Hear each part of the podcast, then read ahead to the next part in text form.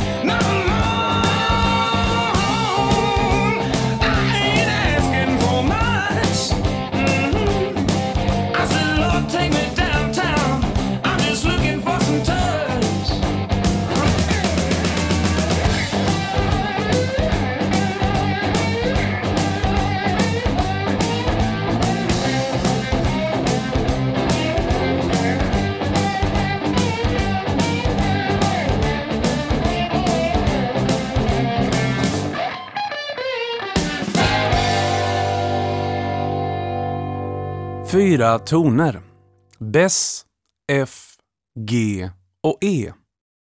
Där har ni gitarrslingan kring vilka Pink Floyd sen byggde ett av sina mest musikaliska och för all del långa mästerverk. Shine On You Crazy Diamond är ett verk i nio delar som klockar in på totalt 26 minuter. Och där varje sekund är värd att lyssna på, men i det här formatet är jag trots allt tacksam för att bandet själva släppte en singelversion på strax under fyra minuter. För att själv ge sig på att klippa bort de bra delarna från de fantastiska, det är inget jag skulle vilja ge mig in på. Låten, som vi nu kan kalla den eftersom det faktiskt fanns en singelversion som jag kan plocka ifrån, skrevs till stor del av bandet tillsammans utifrån de fyra toner som David Gilmore presenterade för dem och Roger Waters sedan skrev texten runt. Shine On You Crazy Diamond handlar om bandets tidigare frontman Syd Barrett som fick lämna gruppen 1968 på grund av att drogmissbruk och instabil mental hälsa gjorde det omöjligt för honom att fungera i bandet. Pink Floyds kvarvarande medlemmar hade konstant dåligt samvete för att de exkluderat honom och var uppriktigt oroliga för hans mentala hälsa men Barrett hade försvunnit och ingen hade i princip sett honom sedan dess. En dag när bandet höll på att lägga på sång på låten så satt i ett hörn av mixerrummet på Abbey Road Studios plötsligt en man som de inte kände igen och lyssnade på inspelningarna.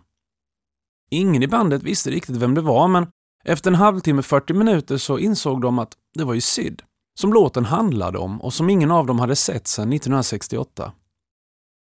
Han hade rakat av sig håret och ögonbrynen och gått upp mycket i vikt och var i stort sett oigenkännlig. Så småningom smet han ut lika obemärkt som han smitit in och det var sista gången som någon av bandmedlemmarna någonsin pratade med honom. Shine On You Crazy Diamond släpptes på albumet Wish You Were Here där låten med samma namn som albumet tillsammans med Shine bidrog till att albumet blev etta i både USA och England och sålde i över 13 miljoner exemplar.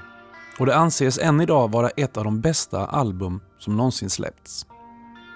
Sid Barrett hängde kvar i Londons musikvärlds ytterkanter fram till 1978 då han lämnade London och flyttade hem till sin mamma i Cambridge och återupptog målning som hade intresserat honom när han var yngre. Han gick bort i cancer 2006 och även om han hade fått lämna bandet redan 1968 så vilade alltid hans ande kvar över bandet. Och kanske aldrig mer än på Shine On You Crazy Diamond.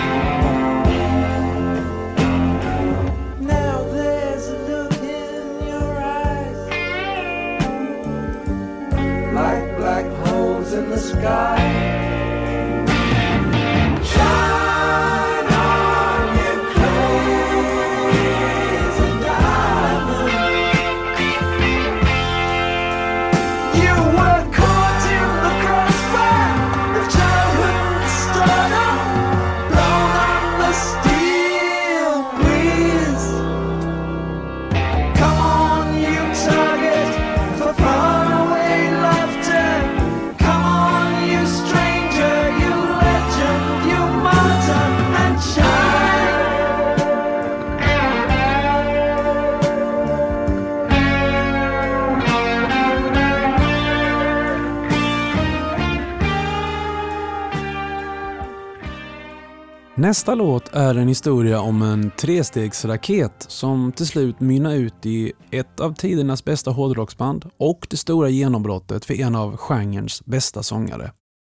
Och det hela gick tämligen fort.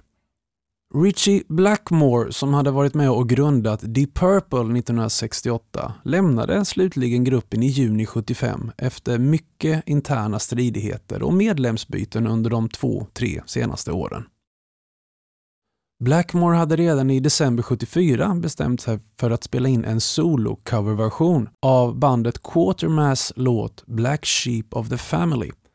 För han upplevde att den stämde bra in på honom själv just då. Han hade tidigare presenterat låtförslaget samt den nyskrivna låten 16th Century Greensleeves för sitt band, men båda låtarna hade refuserats av medlemmarna i Deep Purple. Blackmore bad därför bandet Elf, som bland annat hade varit förband till Deep Purple på ett par turnéer sedan 72, att agera kompband vid inspelningarna och att deras sångare Ronnie James Dio skulle sjunga låten. Detta gick Elf med på och inspelningarna i december 74 gick så bra att Blackmore bestämde sig för att släppa covern som singel i eget namn och då behövdes ju en låt för B-sidan. Valet föll naturligt nog på 16th Century Greensleeves som Dio hjälpte honom att färdigställa. Denna låten blev bättre än Black Sheep of the Family och helt plötsligt skrotades planerna på en singel och ersattes av lusten att skriva ett helt album ihop. Bandet Rainbow bildades, eller Richie Blackmores Rainbow som det också initialt kallades, och ytterligare sex låtar skrevs på kort tid. I mars så var hela albumet färdiginspelat och efter att Blackmore avslutat sitt engagemang med Deep Purple i juni så släpptes albumet Richie Blackmores Rainbow i början av augusti. Direkt efter att inspelningarna var klara fick alla medlemmarna av Elf, förutom sångaren Ronnie James Dio, kicken av Blackmore och ersattes av de etablerade musikerna Cossie Powell, Jimmy Bain och Tony Carey. Albumet hyllades av kritiker för Blackmores innovativa gitarrstil och Dios fantasy-inspirerade texter. Och även om albumets stora hit blev numera klassiska Man on the Silver Mountain så var det med 16th Century Greensleeves som allting började för Rainbow. Och det var även här som Ronnie James Dio började skapa sina så framgångsrika fantasy-utsmyckade texter som skulle ge honom en än mer framgångsrik karriär långt efter att han hade fått kicken av Blackmore 79. För att få kicken från Richie Blackmores Rainbow, det är det inget märkligt med. Det får alla. Snarare förr än senare.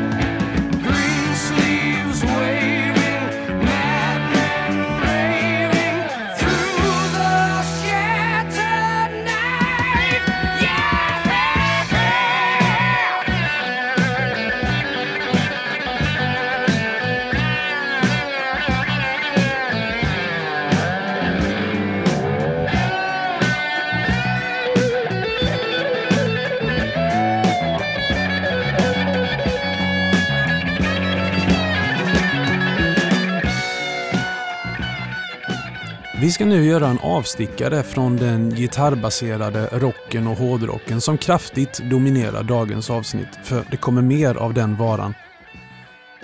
För nu ska vi lufta ljudbilden något tillsammans med Frankie Valli och The Four Seasons. Frankie Valli släppte sin första singel som soloartist 1953 och skapade sedan med gitarristen Tommy DeVito gruppen The Verytones som blev The Lovers och som slutligen 1960 blev The Four Seasons. Bandet upplevde sin storhetstid under perioden 63 67 men 1975 skulle de ånyo få en listetta, den första sedan 1964. Även om Frankie Valli vid den här tiden var den enda kvarvarande originalmedlemmen. Låten December 1963 Oh What a Night skrevs av bandets keyboardist Bob Gaudio tillsammans med hans blivande fru Judy och handlade ursprungligen inte alls om en kille som blev av med oskulden 1963 utan om den 5 december 1933 då förbudstiden i USA upphörde och det blev tillåtet att dricka alkohol på landets barer. Men för att göra låten lite mer poplistevänlig så ändrades temat till något som radiolyssnare 1975 kunde relatera bättre till. Låten har en ljudbild som passar bra till tiden den handlar om samtidigt som det finns väldigt tydliga 70-talsinfluenser i arrangemanget av låten. Den sjungs i huvudsak av bandets trummis Jerry Polchi med Frankie Valli på sång i refrängerna och i sticket samt basisten Don Ciccone på falsettsånginslagen. Jag är otroligt svag för den här typen av låtar. Jag älskar hur den byggs upp, instrument för instrument, men där igenkänningen är tydlig redan bara med piano och trummorna.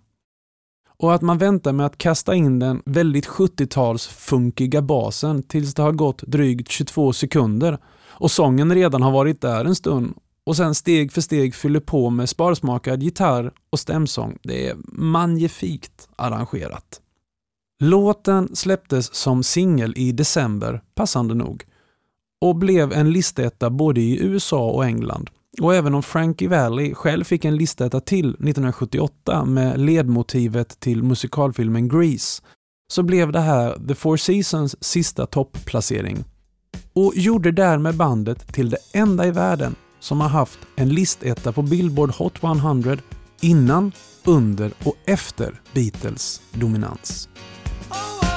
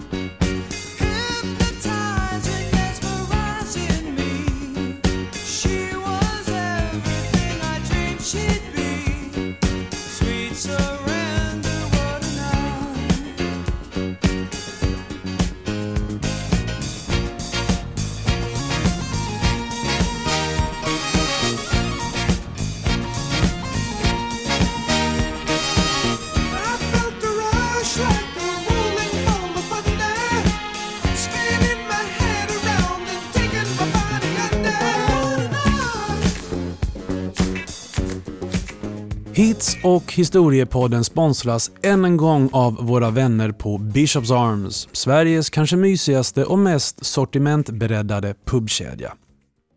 Även om Bishops för många är i första hand öl och whisky så har man självklart fler strängar på sin lyra.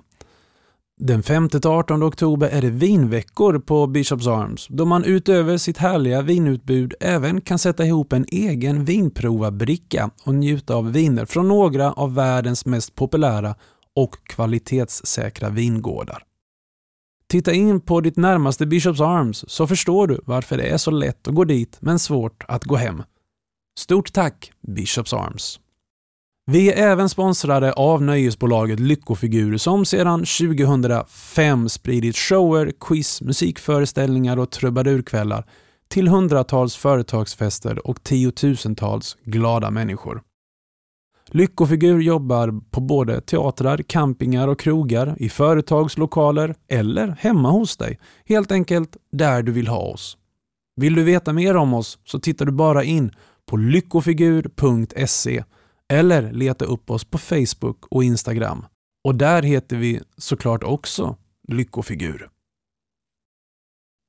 Vi har pratat om det här bandet tidigare men nu är det dags att återbesöka det stora rockbandet från Down Under, ACDC. När bandet 1976 släppte sitt första album utanför Australien fick det namnet High Voltage vilket är samma namn som gruppens debutalbum haft när det släpptes i Australien 1975. Men låtlistan 76 såg annorlunda ut. För den internationella utgåvan med namnet High Voltage som kom i april 76 var helt enkelt en samling av de bästa låtarna från bandets två första inhemska album, High Voltage och TNT, som båda hade kommit 1975. Av de 13 spåren som släpptes på bandets internationella debutalbum 76 så kom två från bandets australiensiska debutalbum med samma namn, men resten kom från bandets andra australiensiska album TNT. Och låten som låg först på A-sidan och som därmed skulle komma att presentera ACDC för den stora vida världen var It's a long way to the top if you wanna rock and roll. Låten skrevs av bandets gitarrspelande bröder Angus och Malcolm Young samt sångaren Bon Scott och var en självbiografisk historia om den tiden, som inte låg allt för långt tillbaka, när bandet var helt okänt och försökte skapa sig både en habil liveshow, en publik och ett skivkontrakt genom att kuska runt på vägarna i hemlandet och spela när och var de fick chansen. Angus och Malcolms äldre bror George, som redan själv påbörjat sin framgångsrika musikerkarriär i Easy Beats, som bland annat haft en hit med låten Friday on my mind 66, hade hört att Bon Scott som ung hade spelat i en säckpipeorkester och föreslog därför att instrumentet skulle finnas med i låten, vilket också blev fallet. Och Detta är sannolikt första och möjligtvis enda gången som det har förekommit en gitarr och säckpiper solo-duell i en rocklåt. Att sen Bon inte hade spelat säckpipa i orkestern utan trummor, ja, det hade ju mindre betydelse. Albumet TNT, där låten först dök upp, släpptes i december 75 och singeln bara en vecka senare. Men den gjorde inte något avtryck på listorna, varken nationellt eller internationellt.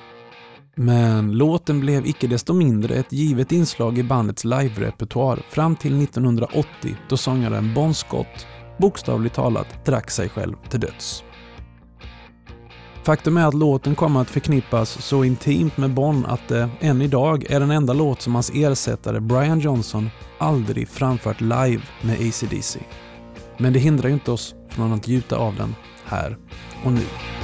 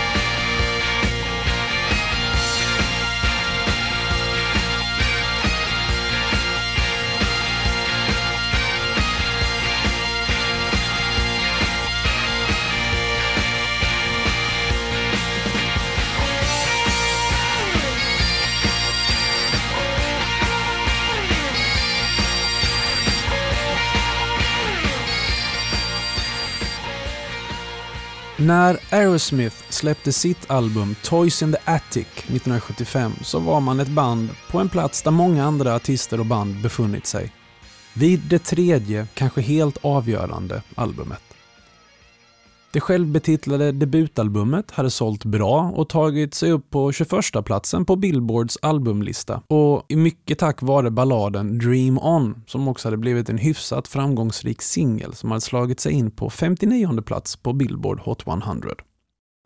Uppföljaren, albumet Get Your Wings, hade trots goda recensioner inte alls levt upp till de kommersiella förväntningarna som byggts upp efter debutalbumet och ingen av singlarna från det albumet tog sig upp på hitlistorna.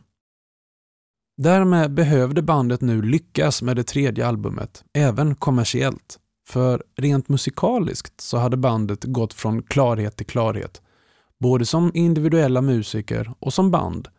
Och det var med en bra turné i ryggen och ett gott självförtroende som man gick in i studion Record Plant i New York i januari 75 för att börja spela in sitt nya album.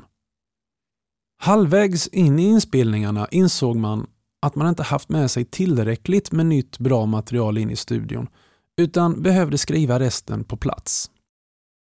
Då kom de att tänka på en soundcheck i Honolulu ett par månader tidigare. Gitarristen Joe Perry hade jammat lite och med New Orleans funkbandet The Meters i tankarna utmejslat ett riff som löst byggde på deras sound. Speciellt på låtarna Sissy Strutt och People Say. Ni ska få höra lite av dem här.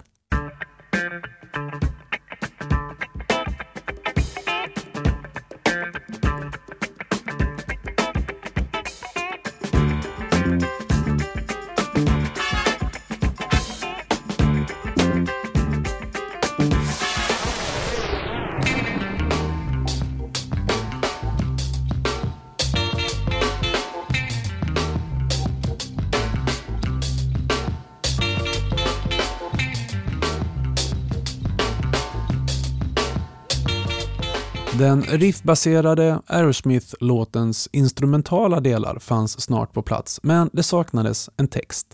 Bandet tog en paus och släntrade ner till Times Square för att se filmen Det våras för Frankenstein, i vilken Marty Fellmans rollkaraktär säger till Gene Wilders att halta som han gör och då han använder frasen “Walk this way”. Något som bandet hade mycket roligt åt och deras producent föreslog att det skulle kunna vara namnet på den här nya låten som de höll på att jobba med. Tillbaka på hotellet samma kväll skrev bandets sångare Steven Tyler texten till låten, men glömde den i taxin på väg till studion nästa morgon. Uppriven tog han en kassettbandspelare med det instrumentala spåret på och rusade ut i trapphuset utanför studion för att skriva ner texten bäst han kunde minnas den. Han fick med sig pennor, men inte papper, utan skrev helt enkelt texten på väggen i trapphuset och två, tre timmar senare när han var färdig gick han tillbaka in i studion, hämtade papper och kopierade ner texten. Albumet Toys in the Attic släpptes i april och singeln Walk This Way dök upp som andra singel från albumet i augusti. Uppbackade av singlarna Sweet Emotion och Walk This Way så pikade albumet på en elfte plats på Billboards albumlista och Walk This Way blev så småningom den mest framgångsrika singeln med en tionde plats på Billboard Hot 100. Låten har den unika egenskapen att den satte både fart på bandets karriär 1975 och gav dem ett ordentligt uppsving igen 1986 efter ett, med bandets mått mätt, dåligt 80-tal. Versionen från 1986 tillsammans med hiphopgruppen Run DMC blev dessutom en jättehit över hela världen och la grunden till den nya subgenren rap rock. Men det är en annan historia.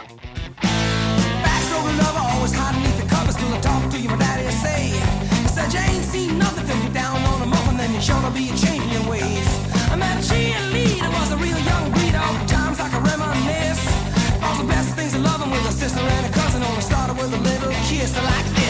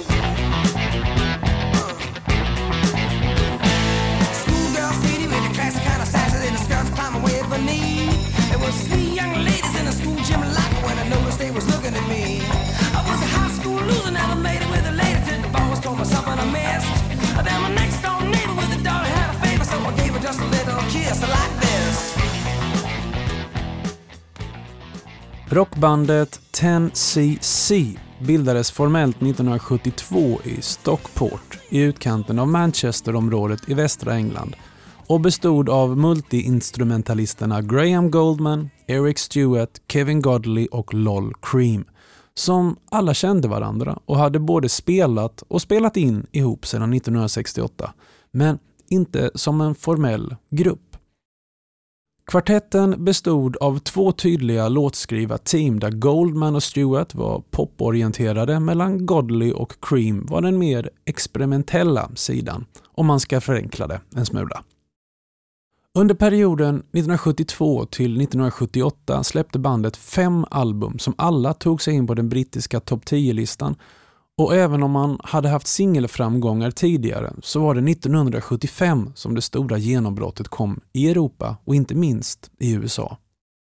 Låten som lyfte upp 10cc till toppen av listorna var den experimentella men ändå poporienterade balladen I'm not in love.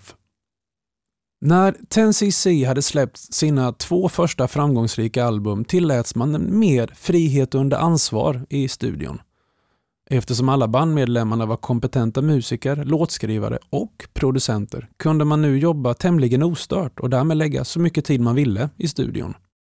Ett förtroende som man tog vara på och utnyttjade maximalt. Och kanske blev det aldrig mer tydligt än på låten I'm not in love.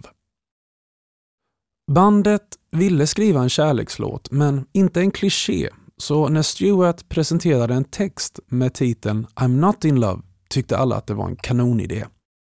Tillsammans med sin låtskrivarpartner Goldman satte han ackord till texten och de två spelade in en demo i bossanova-stil som inte alls blev bra. Faktum är att den blev så dålig att hela bandet nästan tappade sugen på låten. De insåg att visst, låten hade något, men som den var nu så var den inte bra. In stiger bandets trummis och sångare, för alla i bandet turades mer eller mindre om att sjunga lead på låtarna, Kevin Godley. Och han föreslog att man skulle göra ett arrangemang med bara röster. Inte något barbershop-aktigt, utan att rösterna skulle bilda ackorden. En slags ljudmatta av hundratals röster. Perfekt! Men hur gör man det med bara fyra bandmedlemmar? Man kom fram till att spela in varje ton på en egen kanal där man sjöng ett långt A som man sen loopade så att tonen blev oändligt lång. Man la på 16 röstlager per ton och kopierade sedan över varje ton, det blev totalt 13 olika, till en stereomixer där varje regel motsvarade en inspelad ton. Sen satte sig hela bandet framför mixerbordet och alla fick ansvar för tre eller fyra reglar vardera att dra upp och ner för att skapa de olika ackord som behövdes. Som om mixerbordets reglar var tangenterna på ett piano, enkelt förklarat. Hela processen tog tre veckor att skapa och resultatet blev något som aldrig hörts förut. Till detta spelade man in ett lågmält musikspår för att ackompanjera rösterna. Och när alla var nöjda så ställde sig den experimentella halvan av gruppen, Godley och Cream, den vanliga frågan. Okej, okay, och vad kan vi göra mer? De kallade in sin sekreterare, Kathy Redfern, som jobbade i studion och övertygade henne om att hon skulle viska “Be quiet, big boys, don't cry” i mikrofonen. Och det blev pricken över i. Singeln blev en hit över hela världen och gjorde 10cc till ett av världens mest uppskattade och kritikerhyllade band. Man kommer att släppa ett flertal listettor kommande år, men varje gång de själva tyckte att de hade skapat något nytt och bra i studion så satte de på I'm not in love för att påminna sig själva om att de nog allt kunde jobba lite till på den där nya låten för att försöka nå upp till den höjd som de hade nått med I'm not in love.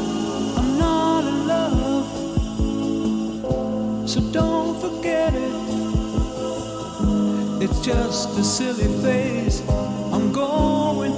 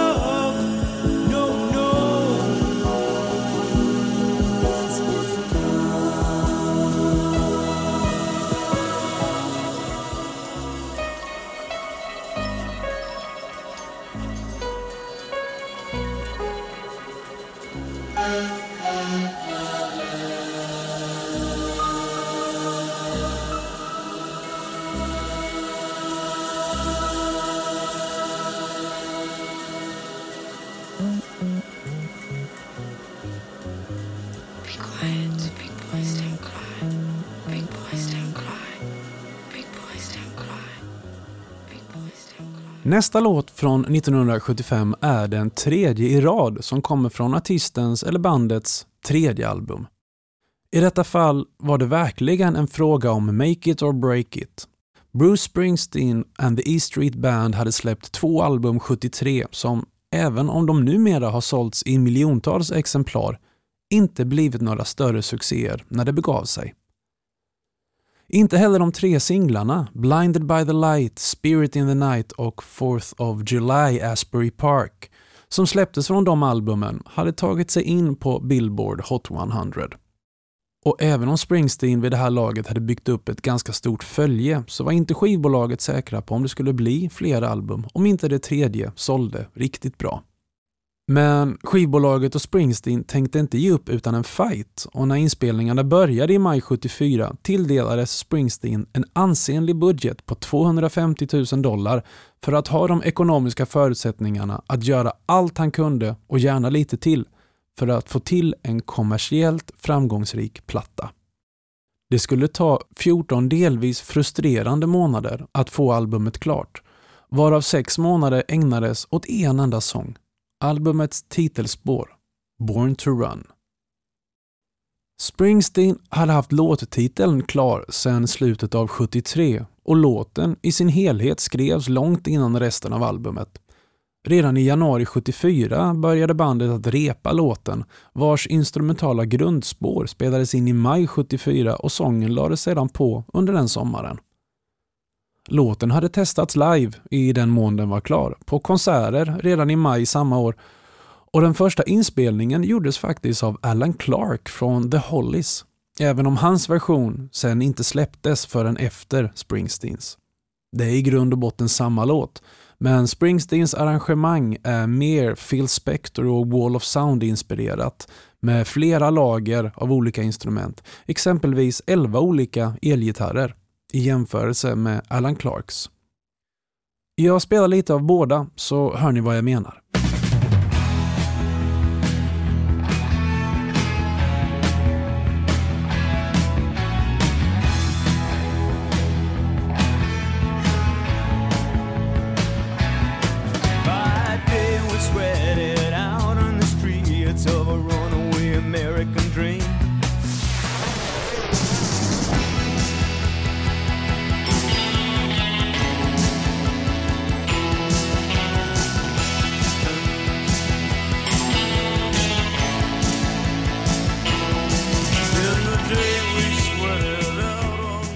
Trots att man bara hade 16 kanaler att tillgå på mixerbordet så användes till slut 72 olika tagningar på den färdiga inspelningen av Born to Run som mixades ner efterhand för att skapa mer utrymme till nya instrumentpålägg.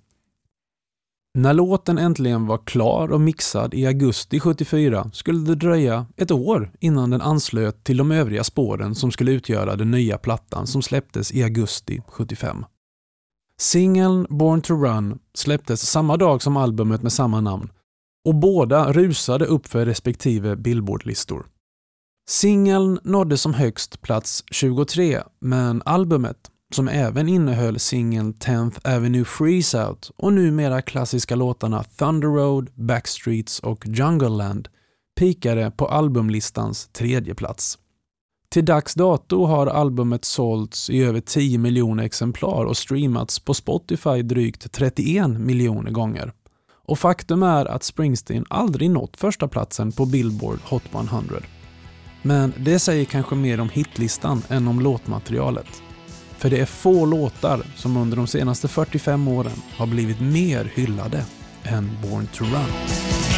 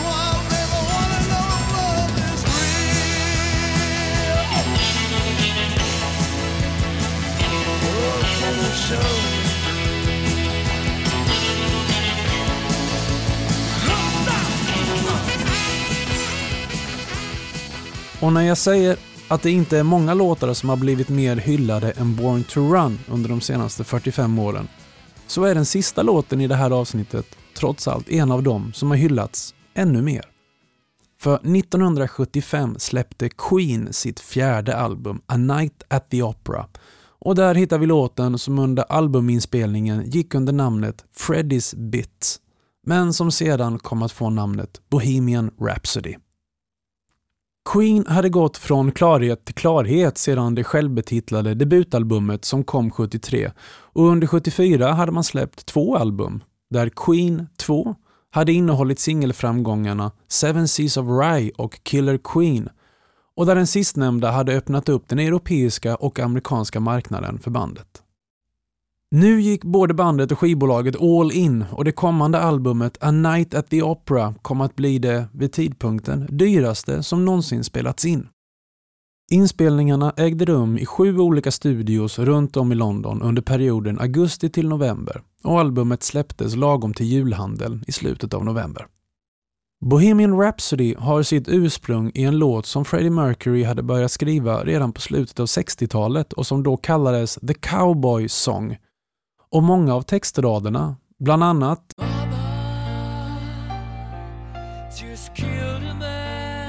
fanns med redan då. Mycket av Queens material jobbades fram gemensamt i studion, men Bohemian Rhapsody fanns helt klar i Freddys huvud när han förklarade låtens komplicerade uppbyggnad för resten av bandet. Det tog tre veckor att spela in låten som innehöll över 180 olika sång och instrumentpålägg som mixades ner efterhand eftersom de var begränsade till mixerbordets 24 kanaler. Tack vare olika demoversioner som ligger ute på nätet kan man följa låtens tillkomst och jag tycker det är spännande att höra framförallt sånginsatserna som alltid spelades in av Queen på ett tämligen unikt sätt. Eftersom både gitarristen Brian May och trummisen Roger Taylor kunde sjunga så sjöng alla tre alla stämmor.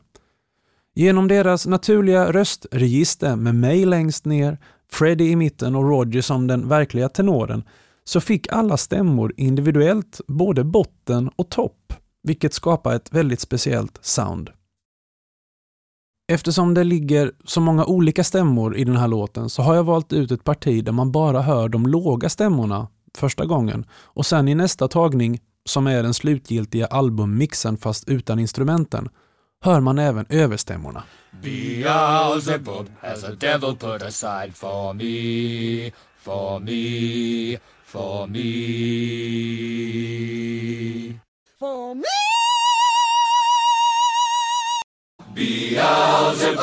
Has the devil put aside for me, for me, for me. Bohemian Rhapsody vars klassiska pianodel spelas på samma piano som Paul McCartney spelade på när Beatles spelade in Hey Jude släpptes som singel en knapp månad innan albumet och låg etta på UK Singles Charts i nio raka veckor. Och den var även listetta i ett dussin andra länder. Men på Billboard Hot 100 pikade den som nia. Låten skulle komma att ansluta sig till en mycket exklusiv skara låtar då den 2018 för tredje gången och under tre olika årtionden tog sig in på Billboard Hot 100. 2018 var det i samma veva som filmen med samma namn släpptes och 1992 efter att ha fått stor plats i filmsuccén Wayne's World. Bohemian Rhapsody har sedan dess tillkomst hyllats av kritiker, musiker och fans och vunnit otaliga omröstningar i olika kategorier och tveklöst är Freddys Bit från 1975 en av de mäktigaste musikupplevelserna som man kan ha. Tack för att ni har lyssnat på avsnittet om 1975. Vi hörs snart igen. Ha det gött. Hej!